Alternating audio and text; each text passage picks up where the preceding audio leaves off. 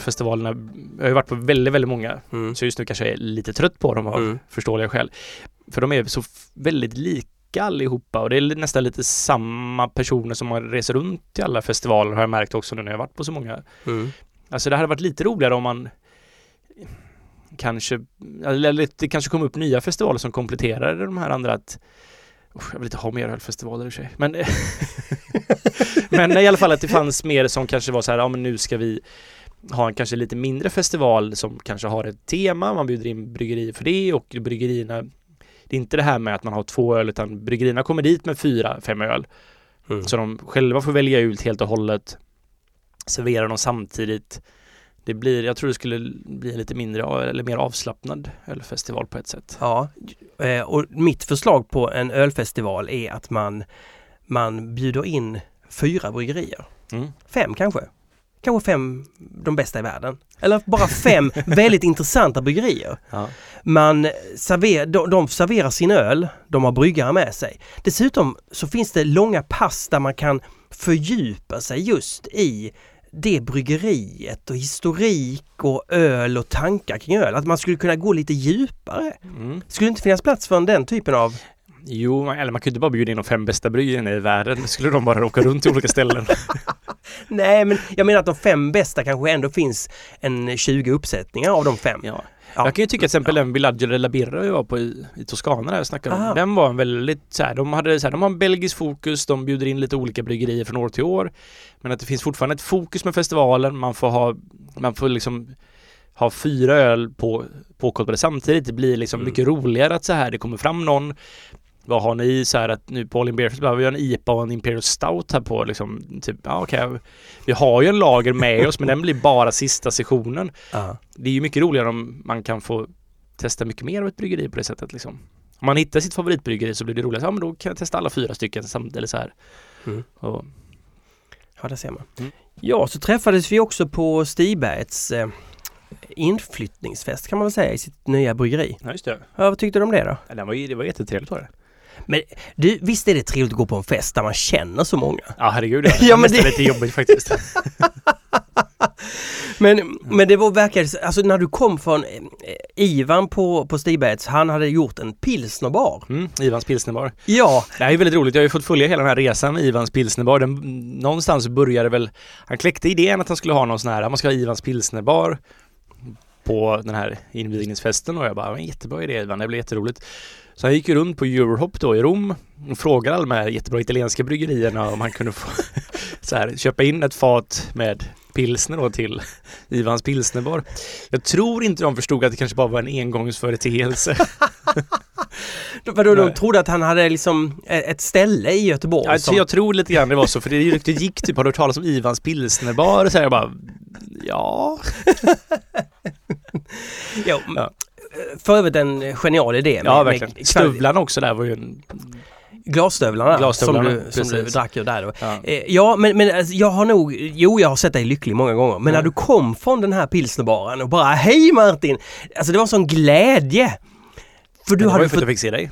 Ja, ja. Utanför det här, utan de här båsen vi alltid umgås i. Men du sa också till, till Fredrik eh, Ganslant Mm. att eh, världens bästa pilsner hittar du i pilsnerbaren. Ja. Vilken var det? Var det Tippopils? Eller? Nej, Jo, men det kan nog ha varit. det kan ha varit det. Ja. Alltså att... Men jag tror Matsimo var där också va? Matsimos pilsner va? Ja, det, det är mycket möjligt. Ja, den också. Kan ha Ja, varit men den. jag minns faktiskt inte att jag sa det här Martin. Nej. Jag minns att jag träffade er och så här, jag var ganska glad just då. Ja, det är bra. Mm. Det är bra. Nej, men, men ehm, nej, precis. Den var, det, det, blev, ja. Eh, finns det något annat att säga om det? Nej, man kunde ju smaka alla såklart Stibergs öl alltså, eftersom det var Jag har aldrig Stibergs. druckit så mycket öl genom näsan heller kan jag säga. Tack vare den här hela stöveln. Så här, om man inte håller den på rätt sätt så, här, så blir den här. Och då skvätter det upp så här rakt upp i näsan märkte jag. Ja, Ja. det, jag vet, just det glaset är nog det mest bisarra glaset. Jätteopraktiskt egentligen alltså. Men det är jätteroligt att dricka öl ur en stövel. Ja, och det Ja. Var väldigt eh, populärt så sett. Mm. Alltså, det är, är, är märkligt. Ja. Eh, du, men, men som... Jo, vi bastade ju också på festen här. Mellan klockan 21 och 22 kunde man basta med OO. Hur föll det ut? Alltså, var Alltså, det... det kommer ganska många och bastade faktiskt. Jag trodde att jag och Olof skulle sitta i en bastu helt för oss själva och ingen skulle någonsin fatta eller hitta den här bastun. Men det var förvånansvärt många som kom dit och det kom någon så här som drev en krog som ville köpa öl av oss och så här och därför han var Ah. där i bastun för att köpa bärs av oss. Vilket var trevligt. Så det var, lite, det var ganska mycket, man kan gissa att det var ganska mycket ölsnack i bastun. Ja, det var väl meningen lite grann tror jag. Det var meningen. Ja. Alltså man, man, man kunde fly från Stigbäts och, och äntligen få träffa Olle och Olof och prata eh, riktig öl. Ja. Så eh, tack för alla som kom till bastun och hängde med oss. Kom faktiskt några och satte sig med kläderna på där inne till och med för att Ja. Men det var ju liksom, det var ju några som hade med sig badbyxor tror jag till och med. Men de flesta gick Mm. bara in i kallingar liksom. Mm. Och så. Men det var, det var väldigt trevligt. Det jag märkte dock är att man blev ju väldigt törstig av det här. Och jag, det fanns inte sådär jättemycket vatten på festen. Nej, Det var inte jättelätt att hitta vatten. det var inte det. Nej, nej. Nej. just det. Så Just att man, jag, jag, jag slutade nästan dricka efter det där faktiskt. För jag kände att jag skulle bli jättefull om jag drack öl efter bastun. Men dagen efter så vaknade jag upp och var lite bakfull. Men framför- framförallt var jag jätte, jätte, jätte uttorkad. Värre när jag sprungit så här maraton och grejer. Det var alltså verkligen Det kändes som jag nästan kissade kristaller liksom. Kissa, kissa. Du, Ja. jag läste en grej idag. Mhm, vad har du läst?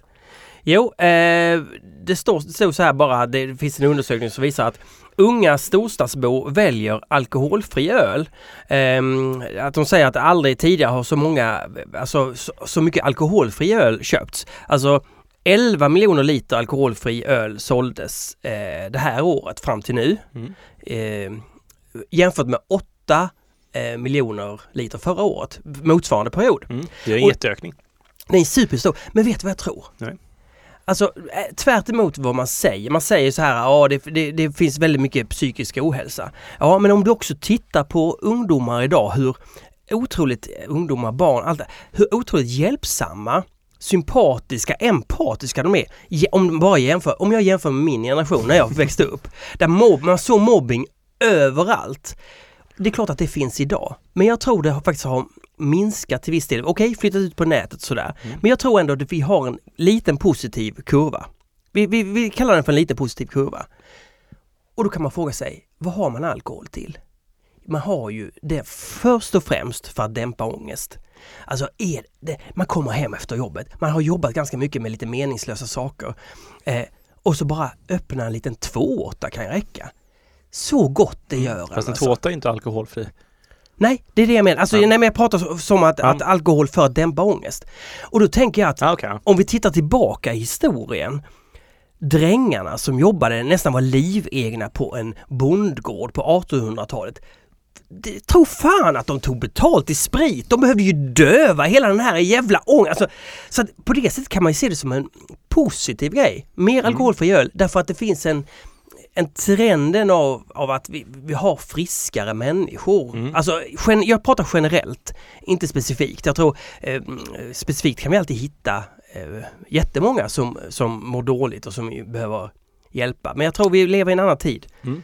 Vad tror du om det? Eh, det stämmer nog mycket väl faktiskt. Ja. Jag har tänkt lite i samma banor också faktiskt. Att, eh, men jag tror också att vi kanske har eh, de som dämpar Kanske också gör det med andra typer av rusningsmedel och sådana saker Ja. idag än vad de gjorde. Att alkohol har alltid väldigt lättillgängligt för oss.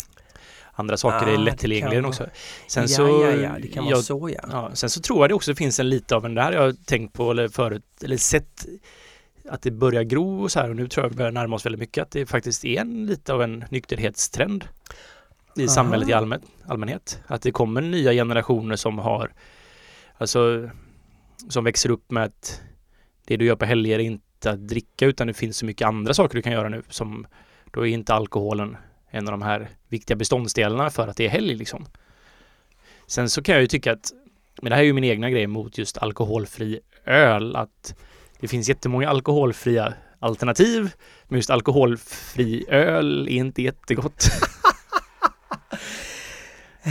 Nej, Men, jag menar så här, nej, eller ja. jag, jag, jag, jag, jag, håller, ja, alltså jag håller i princip, eh, jag håller med dig. ja. Nej, det är ju inte Men jag det. tycker man, det borde, alltså, det här är ju någon som jobbar med Alltså vuxenläsk borde ju komma liksom. Eller så här liksom vuxendrycker som inte är med alkohol men att som inte kanske bara har en socker en sockerbomb utan att man kanske jobbar med lite mer komplexare smaker. Man kanske jobbar med lite beska, man kanske jobbar med... Du, har du smakat, på tal om det, har du smakat den här humleläsken? Mm.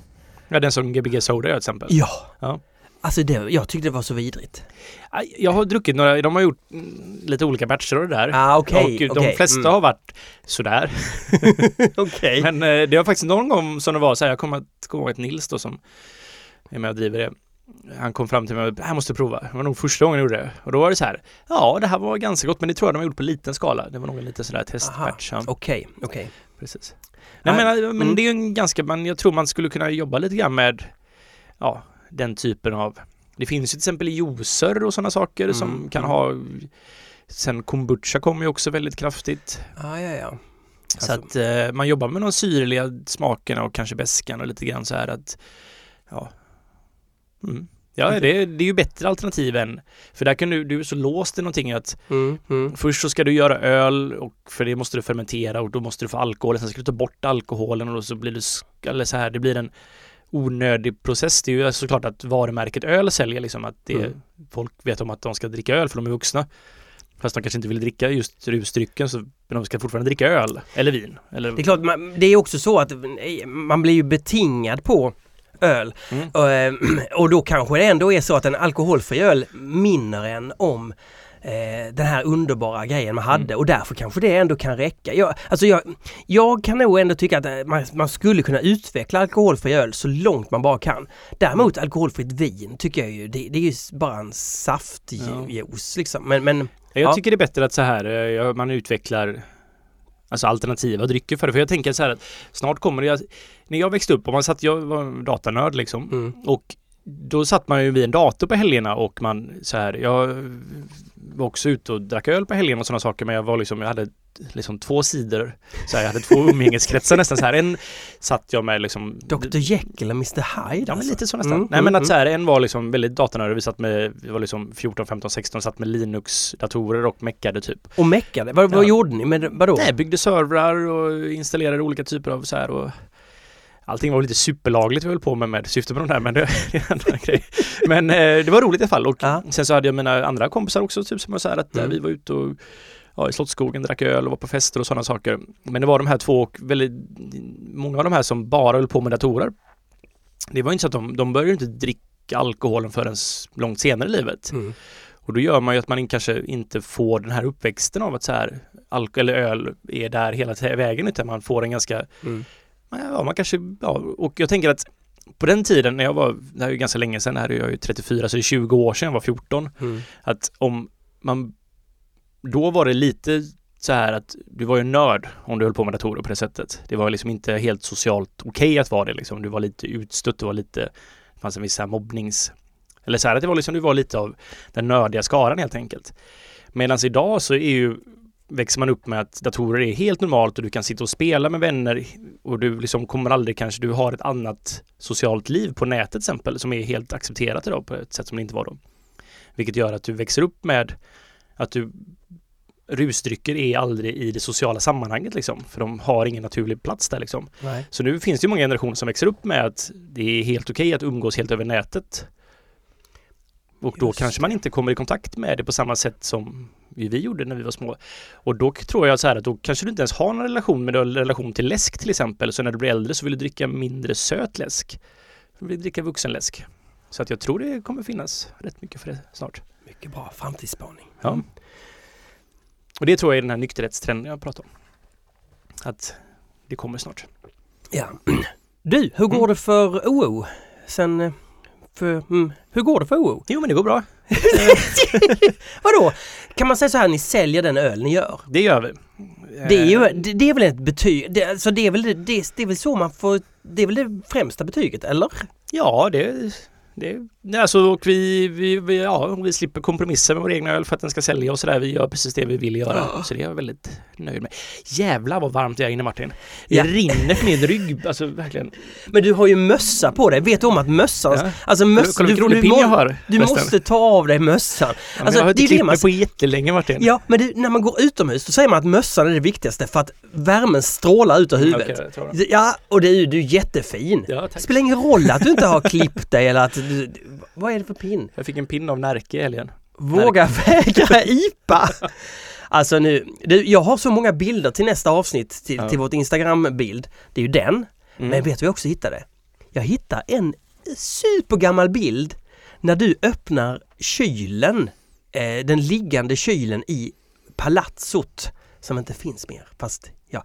Eh, och Ja, jag är inne i Ja, och du Sydtyskland här. sprutar ut öl som ser så mörk och grumlig ut. Alltså mörkbrun riktigt, mör- mörkbrun det. Den ska, den ska du få se sen. Ja, okej. Ja, Ja. inte idag men Nej. nej. Och du hade runda fina glasögon. ja, just det. Ja. På den tiden ja. Ja. Ja. Men okej, Ja, men, jo, men det går jättebra för OO. Eh, ja. Vi har, vi, jag vet inte om vi pratat om det det tidigare. är, jätte, alltså, det är jättedålig podd det, det, att, du, att du bara säger att det går jättebra. Ja, Det- men jag, jag, jag kan väl få utveckla lite grann. ja. ja, förlåt. Men förlåt. i det stora hela så går det jättebra. Ja, mm. Sen så har vi vissa små saker som funkar Mm. och sådär och sådär. Men, ja, ja, ja, som alltid. Mm. Livet alltså. men vi, Mm. jag vet inte om vi pratat om det på den tidigare, att vi ska anställa en till bryggare. Det har du gjort och du sa ju att du hade tagit ner det till fem och det. tre av dem var av kvinnligt kön. Mm. Eh, Fyra var av utländsk härkomst och en bodde i London. Mm. Precis. Ja. ja. Så vi har nu hittat en person. Oh! Så att eh, det är inte officiellt än, det ska bara liksom Men jag vet inte, det kanske är officiellt när det här programmet sänds. Om det inte är officiellt så kan vi bara klippa bort det här och så. Men vi har hittat en person faktiskt. Så det blir en... Ja. Ja, Det blir en person. det blir en person. Vi, vi, men då pratar vi om det. Jag tycker vi pratar om det i nästa avsnitt. Ja, det gör vi det. Eh, och nagelfar den här personen in på minsta ben. Nej, men, eh, men det är väl bra. Ja, men det var vilken process det var. Fy fan för att eh, anställa folk igen. Det var jättejobbigt. Oj. Men det tog väldigt mycket tid. Vi fick väldigt mycket ansökningar och sen så var vi tvungna att alla då som vi tyckte var intressanta tog vi intervjuer med då. Då Mm, tog vi mm. Skype-intervjuer och, och eh, det tog mycket tid från vanlig produktion och även just det här grubblandet över vad är det man är ute efter? Hur Ja. jämför man två personers kunskaper mot varandra? Ja. Vad är bäst och vad är så här? Så att, ja. Och så Och så ska, person. personkemin är jätteviktigt i ett sånt här litet bolag också. Oj, oj, oj. Så att, eh, ja. Ja, Det var svårt var det faktiskt. Det var, det var liksom hade jag fått välja så hade jag anställt fem liksom. Nej men det, det, här är ju, det här är ju faktiskt eh, jättebra i vår, vår saga om OO, alltså vad som händer och hur ni, har- ni har fått rull på det hela. Ni har gjort eh, viss god öl. Hur gick det förresten med eh, eh, The same old shit? Nej så hette den inte. Det hette mm, Once again. Nej den hette mm, eh, Is this really true? Nej. Eh, One more time. ja! Ja. Hur blev den? Den blev, den blev helt okej faktiskt. Det blev gott. Ja, det blev gott. Ja, det blev, ja, det är ju gamla Gbg Beer Week 2016 receptet liksom. Ja. I stort sett exakt Ja. så fast anpassat för vårt bryggverk liksom. Men det är ju en lurig öl liksom. Den, den stångar ju sig hit och dit. Ja, den är ju ganska spretig och jag, Ja. jag alltså det är ju då Symologic, Mm. det här sidoprojektet som vi har skapat för OO Mm. för att vi ska just kunna ja, testa nya saker liksom. Det är som Mm. ett lite av ett, alltså tänk beta Alltså alla OOs öl är version 1 liksom. Mm. Medan de här kanske är någonstans lite innan det. Mm. Mm. Ungefär så. Det är, det är tanken med det. För att, men eh, så One More Time var ju ett sätt att jag faktiskt ville testa hur det var att brygga Mm. den ölen igen. Ja, ja. Eh, plus att jag ville testa att göra ändra vår process lite grann så jag kunde göra ölen mycket snabbare. Wow! Bara för att se hur det blev. Oj. Om det är så att det här kan jag ta med mig. Jag har en, en process nu som mina IPer som tar ungefär tre veckor. Ja. One More Time gjorde jag på två veckor. Men hur, ble, vad, hur påverkade det då? Eh, alltså, både lite negativt får jag ändå säga faktiskt. Jag Ja. tyckte den var ju väldigt spretig där och Mm. första dagen den serverades. Bowling Beerfest var den ju 11 dagar gammal då när den hade premiär eller man ska säga. Ah, okej. Och då var det så här, ja, det var lite humlebränna och Mm. det här är en grej som jag inte har någon så här, jag kan inte riktigt påvisa varför det skulle vara så här, eller jag har ingen forskning eller så här, jag kan inte hänvisa till en artikel att så här funkar kemin bakom det här eller fysiken, men jag tycker oftast att om man gör en till exempel en överföring på en öl Ja. Från en till exempel jästanken till en brightbeer-tank eller liknande. Mm. Så speciellt med humlig öl så kan den första dygnet smaka ganska Alltså det är kärvt och liksom så här spretigt och det är liksom som jag, det är svårt, det är stökigt. Ja. Det är jättestökigt. Mm. Eh, och det är samma sak när man precis lagt någonting på burk eller flaska. Så här, om jag dricker den inom 24 timmar där att det är liksom Det är ganska stökig smak. Det är inte alls Mm, så som mm. låter den få stå i ett kylskåp sätta sig, bli bekant med sin nya omgivning eller vad det är nu som händer Mm. så smakar det bättre. Ah, Jag har hört andra bryggare prata om det här också liksom och att de jag vet att um, The Alchemist ofta så här säger att ja, men det tar tre dagar innan liksom en öl sätter sig på en ny tank eller men om The. Alchemist säger det. Ja, Tre- men. John Kimmich, det är inte så att han har haft så här Det här Fel undersökning- någon gång. Nej. Nej men det är vad han anser liksom. Ja. Och det, men jag kan säga att jag, jag känner av det också liksom och One More Time led av att jag hade keggat den samma dag som All In Beer Fest var då på fredagen. Aha, men, och, men i keggen då? Mm. I, I det här M-baret, kan det, inte, kan det inte efter en vecka ha blivit lite bättre där eller? Jo men det, alltså det tar oftast en Ja. dag eller två dagar Ja, okej, i, i, Ja. i den nya Mm. förpackningen. I nya Fat, förpackning. Mm, Alltså vilken, vad man än har lagt i så här att det liksom den har Och i vinvärlden snackar man om bottle shock Som jag inte riktigt vet vad det är men det är om Mm. den har typ stått på en lastbil och typ så Mm. vibrerat och sådana saker Mm. så är den molekylärt ostabil eller jag vet faktiskt inte vad det är Jag som tycker det händer. låter oerhört rimligt. Ja. Och då, då kan man också ifrågasätta den här superfärskheten, att den alltid behöver vara.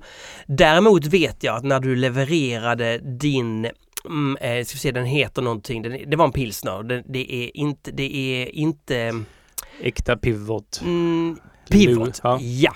Pivot var det. När du levererade den och den liksom fortfarande var kall Ja. eh, så f- hörde jag från ett ställe som du levererade här till att det här var det bästa som någonsin världen har sett. okej. För att det var så, men då, då tror jag också det fanns en liten magi och Ja. mystik inblandat just att Men det är få, min, alltså en klar öl, typ som en pivot ändå Ja. ska vara liksom, så blir det mindre farligt än till exempel en väldigt humlig öl då är. Okej. Jag upplever inte alls på samma sätt i, Mm. eh, jag upplever det ändå men inte i samma utsträckning som Nej. en humlig öl, sådana saker. Ah, det är int- intressant alltså. Mm. Låta ölen vila lite grann. Ja. Inte vara helt galen på färskheten Ja, på det sättet. Nej. Ja. Men det var, ju, det var ju roligt att för- överhuvudtaget ha premiär för Symologic på All In Ja. Ja. Ja, du känner dig ändå nöjd med att, det, att ni har skapat det varumärket och att du kan bara slänga all skit. Och när du, när du nu har anställt någon så kan du bara, ja du kan få bygga i det där varumärket. Jag tar hand om det här, de här riktiga Det är ju ölen. inte alls så som jag tänker det här ut. Nej, förlåt. Men jag insåg att så här, det, blev, det var väldigt svårt att kommunicera hur man så här, det var många som frågade vad, vad är det här Olle? Jag bara Jo men det är det här. De bara "Ah, ja, så det är där du gör all så här fel. Och jag bara nej, det är inte alls så utan Ja, men det är så här, det är ju svårt att kommunicera hur jag känner för OO. Det var så här, ja men det här med att snacka om att så här, det är ett betavarumärke lite grann. Mm, mm, ganska ofta så känner jag så här att, ja men jag har en idé på en öl jag vill göra här. mm. Men det här har jag aldrig provat tidigare. Så, och att testbrygga en 20 liters batch är för mig ganska meningslöst liksom för att det tar Ja. jättemycket tid och Ja. jag vet inte riktigt vad jag ska dra för slutsatser med hur jag ska skala upp det här till mitt bryggverk liksom. Nej. Så Nej. att jag ser ju det här som ett litet test och sidoprojekt där man kan liksom både göra saker som är väl uttänkta men som är kanske bara någonting som man gör en gång för att se om en process med till exempel ja, Typ som att jag vill göra One More Time, jag vill prova Mm, att göra den mm, snabbare helt enkelt Ja. hur det föll ut utan att jag behöver prova det på Narangi till exempel. Precis, och så, och så slipper du hälla ut ölen. Utan du kan också, eh, du kan ändå sälja den för det Ja, blir ändå precis, bra grejer. Ja liksom. exakt, så Ja. det, jag, jag kommer ju aldrig släppa saker som jag hade hällt ut för OO Nej. På Symologic liksom. Det är inte det som är tanken. Då Nej, nej. behövs den hälla ut så hälls den ut så här. Det ska ju fortfarande smaka bra. Ja. Det är ju liksom det som är hela tanken. Men det här är lite ett mått av din eh, perfektionism. Det som är inom OO, det ska vara perfekt. Det ska vara superbra. Ja, det ska vara väl beprövat. Du, Eller du, åtminstone genomtänkt på ett sätt som är, Ja. jag behöver ha. Det ska vara liksom en version 1.0 om man ska få ja, men det är det jag tror, du har skapat dig faktiskt en eh, lucka i, i, din, i din perfektionism. Har du skapat, det, det jag tycker det är helt genialt. Att göra det, att ha Symologic där du kan få vara friare. Annars kanske du låser in dig själv i en tvångströja lite grann. Ja men lite så kanske. Ja, det låter bra det. Ja. Du, vi, vi, vi, nu frågade ju inte jag några, om några frågor. Nej. Jag sa inte så här, har ni frågor? Utan, men vi fick ju några frågor förra gången. Mm. Jag tänker vi kan plocka in några sådana. Eh,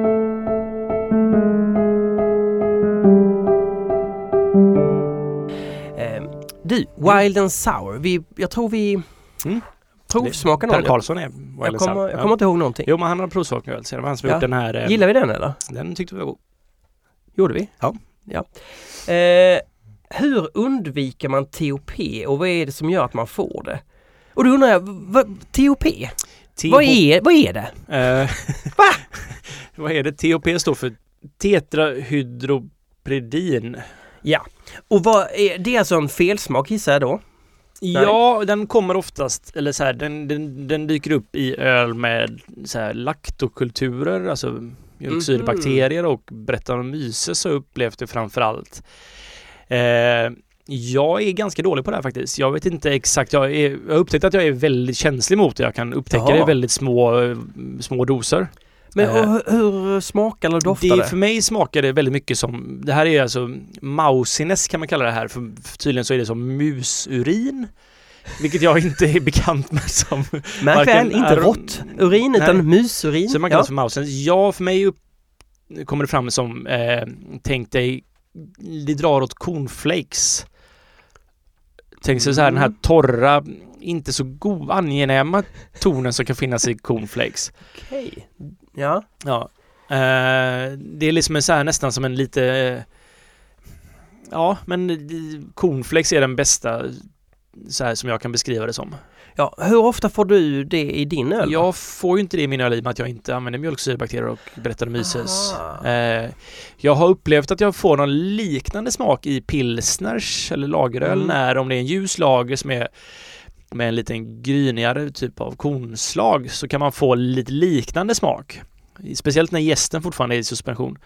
Så kan man så här, hm, det här påminner om THP men jag tror inte det är THP faktiskt. Nej. Så egentligen har du inget svar på... eh, Nej, utan alltså, men det som jag har hört och jag har inte bryggt så mycket Nej. sura öl med mjölksyrebakterier och brett och sådär. Men vad jag har hört är att det oftast kommer upp efter en, eh, du kanske inte har haft det, om du har ett, till exempel ett vinfat Mm. så har du inte haft någon THP i vinfatet men sen när du lägger på flaska och flaskjäser den så har smaken kommit fram igen. Aha. Och då brukar den försvinna med lite lagring så förmodligen så metaboliserar då Brettanomycesen det här kanske på något sätt och gör- om det till något annat för att just det försvinner då med lagring. Ja. Så att det kan ju vara då första tiden efter en flaskjäsning. Men Milk the Funk, ett väldigt bra wiki eh, och en bra Facebookgrupp faktiskt på, som har Milk de Funk. Milk the Funk. Alltså Milk de Funk, alltså mjölken som funken Mm. skapar.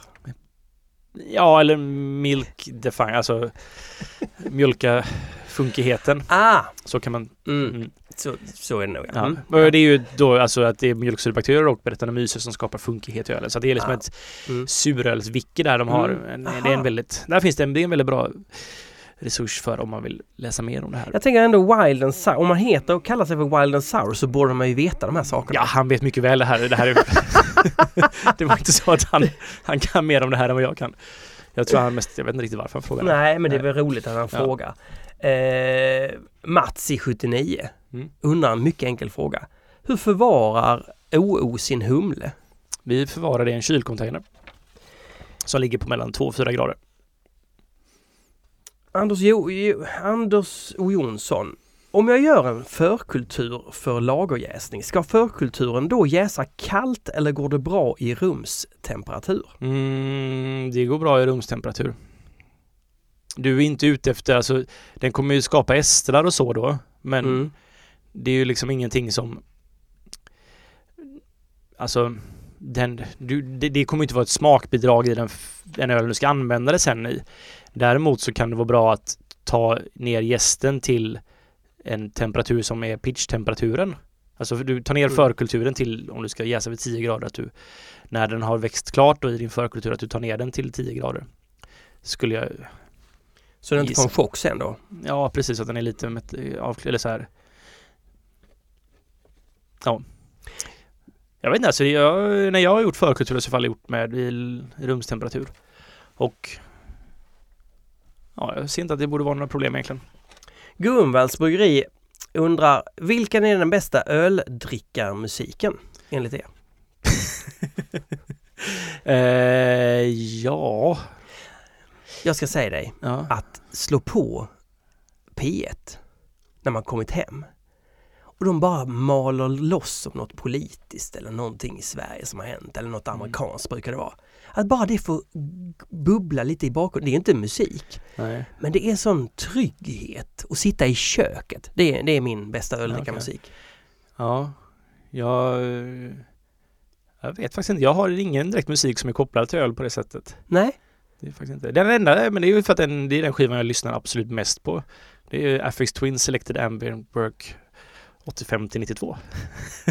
det, men, det, det, jag vet inte om det är så bra öl. Ja.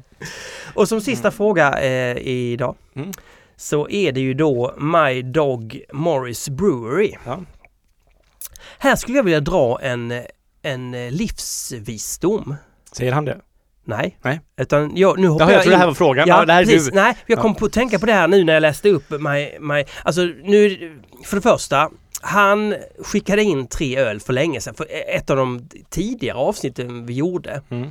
tidigaste avsnitten vi gjorde, eh, så skickade han in tre öl med sin hund Morris på. Bara det var roligt. Men han skickade också in helt utan lov. Eh, och det här är ju ingenting jag uppmanar till. För det, det blir helt ohållbart. Men han gjorde det och jag tänker så här, ja, när man gör saker på eget bevåg och bara tar sig fram, det är då det händer. Att vänta på lov eh, är bra, men man, man tar sig inte fram lika... Eh, är du med mig? Lite vad jag menar. Mm, jag menar. Alltså att man, man gör saker, och visst man kan få ett nej. Mm. Vi hade kunnat slänga all öl som vi får. Det Ja. kanske vi kommer att göra i framtiden. Demonstrativt bara hälla ut den liksom. Ja. ja. Eh, Inte en, ens, inte ens lukta på den utan bara... nej, och det finns ju någonting i det som är en livsvisdom. Mm. Han skriver har enligt mina smaklökar städat bort de flesta felsmakerna i mina lageröl förutom gröna äpplentonen, äpplentonen som jag inte blir kvitt. Mm. Jag jäser i 10-11 grader tills ölen jäst 50-60%. Då ökar jag 2-3 grader tills den jäst 80-90%. Sen upp i 19 grader tills jag fått nått FG och håller den där ytterligare en vecka innan kallkrasch. Frågorna lyder, gör jag något fel under jäsningen? Har du mer tips hur man använder felsmaken eller är det bara att hoppas på lagringen? Mm. Alltså... 19 grader är ju ganska högt faktiskt. Aha, Eh, vad skulle han ha istället då? Jag går upp till 15-16 grader. Det räcker för decetylrast i lageröl. Jaha, Eh, Det är därför oftast man tar upp den till, den kommer jäsa ut till FG hur som helst liksom. Den är ju anpassad för att jäsa. Om du har pitchat tillräckligt mycket gäst och gästen mår bra med gästnäring och sådana saker så, så räcker 15 grader för en decetylrast om gästen då har potential att tillverka rätt mycket decetyl. okej. Ehm, jag tror mer det här handlar om pitch, pitchmängd, alltså hur mycket gäst som är där och hur, Mm. om syre och gästnäring finns i ölen på caset. Så Okej. jag tycker han ska prova kanske att förändra någonting där. Faktiskt mest. Då är det vårt tips. Och sen beror det såklart också på lite grann på vilken gäst man använder och sådär. Jag tyckte till exempel att eh, V34 70 heter den väl. Hade jag svårt att få bort gröna äppletoner faktiskt. Mm. Mm. Alltså den här, den här hatgrejen på gröna äpplen Mm. som är så gott. Ja. Men det är alltså, det är, det, är- så här, det är en av de smakerna som jag har märkt att jag har svårare att känna. Till exempel, jag decetyl känner jag tydligt. Mm. THP känner jag väldigt tydligt. Men just Mm. gröna äpplen är så här. Där har jag inte en, min näsa är inte sådär vansinnigt känslig mot det. Aha. Mm. Aha, det är intressant. Man säger ju ibland att um, kanske dieselton kan vara en fel, felsmak. Mm. Kanske kan vara rätt också men jag tycker mycket av den här em, lite mer väldigt funkiga eh, dubbel-IPOR-ölen, New England style, Mm. kan ju ha väldigt av det här oljiga, diesliga. Ja, jag skulle mer säga lösningsmedelsaktigt än diesel kanske. Men- Det- men- det och- men det tänker gillar, du gillar väl det? Alltså, Jag gillar det till en viss grej för när Ja. du får det så får du oftast också mer estrar och du Mm. får en liksom en, om du, jag gillar ju IPOR som inte är helt superrena med täcke av bara humle på utan jag Mm. gillar den här interaktionen mellan lite estrar och och det här är ju väldigt hur man, det är en balans där väldigt mycket hur mycket smak du vill ha av jäsningen. Det kan man leka mycket med. Alltså näringen i och jästemperatur och vilken jäst du använder såklart också då. Mm, mm, Eh, där får man hitta sin egna balans helt enkelt. mm. Ja. Det är bra, det är bra. Det är de här sakerna man kommer upp i som är så här finjusteringen på recept sen så småningom. När man, Du, du sa någonting om 50-50-ölen. mm. Eh, att, att, eh, att den, att du har dragit iväg smakerna åt ett spännande håll. Nej men som gjort att kanske vissa, vissa har inte hängt med i de svängarna. Bara oj, vad hände här? Nej, men det var, ja. ja. men, ja, 50-ölen brukar alltid vara populära liksom. Att de, Ja. det, är så här, det är kanske inte de mest spännande ölen vi gör. Det är alltid lite risktagande för oftast Ja. använder vi en humlesort som vi inte har sådär jättebra koll på. Ja. Ehm, just den här 50-50 kombinationen som vi nu var ju Nell, Enigma Nelson Sauvin och Enigma Vic Secret. Ja. Eh, där var det ju då bara egentligen, jag har använt Enigma förut, jag har, jag har inte använt Vic Secret. Mm. Eh, jag har ju gjort då tidigare också Enigma Nelson Sauvin tidigare, gjorde i våras. Mm. Mm. Och det är ju den absoluta favoritkombinationen som jag har någonsin gjort i Ja. 50-50. Jag tycker det är en helt fantastisk arom och smak. Mm. Också lite det för att det faktiskt inte smakar typiskt som Alltså din vanliga IPA liksom. Nej. Utan den har en ganska annorlunda ton liksom. Men är, är, vilken, vilken ton är det då?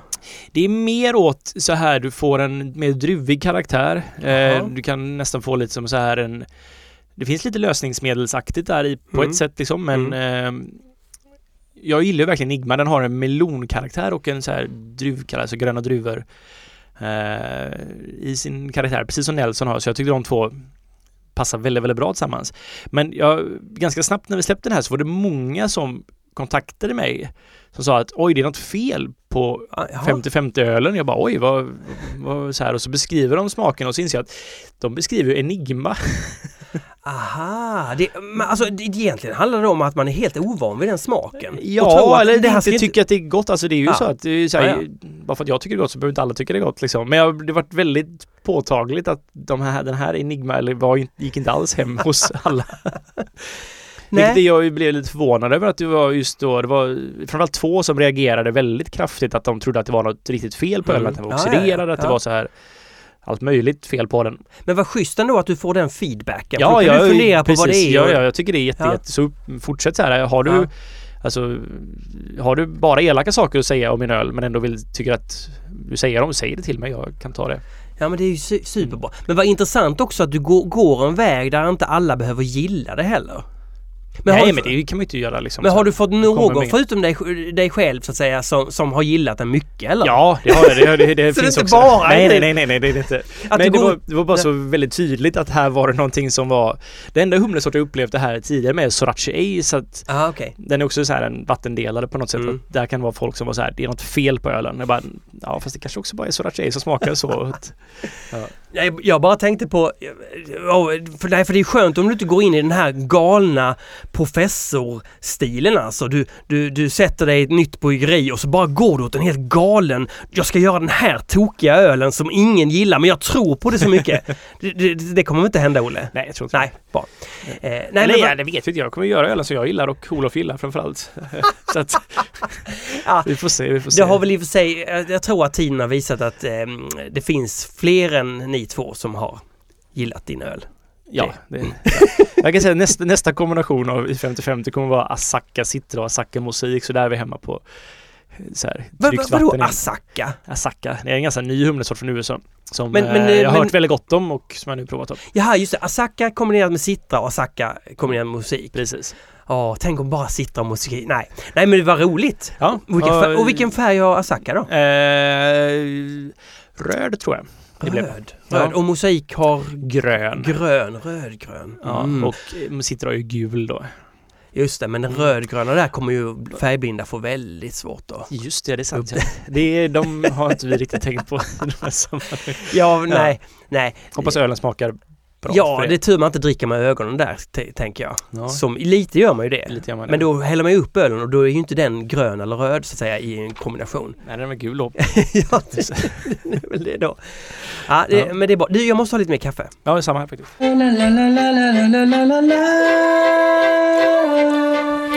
Du, en, en av de roligaste grejerna det är ju att, att driva en karaktär och, och skoja om det. Och det är det här till exempel att du är så oerhört traditionell så du vill inte minsta lilla extravagans så bara säger du stopp. Mm. Men nu nämnde du någonting om eh, frukt, alltså frukt i öl är ju en sån skoj liksom. Olle, frukt i öl, nej aldrig. Han skär sig hellre i magen. Mm. Fast, ja precis. Det stämmer inte eller vadå? Nej, eller... Jag har väl eller så här, jag har upptäckt det att det finns många så här när jag pratar med folk på ölfestivaler eller så här runt omkring så finns det en så här, någon form av missuppfattning, tror, eller tycker jag i alla fall att det är att så här, jag inte alls tycker att man ska ha fruktöl eller liknande så här att jag tycker att det är det värsta som finns och sådana saker.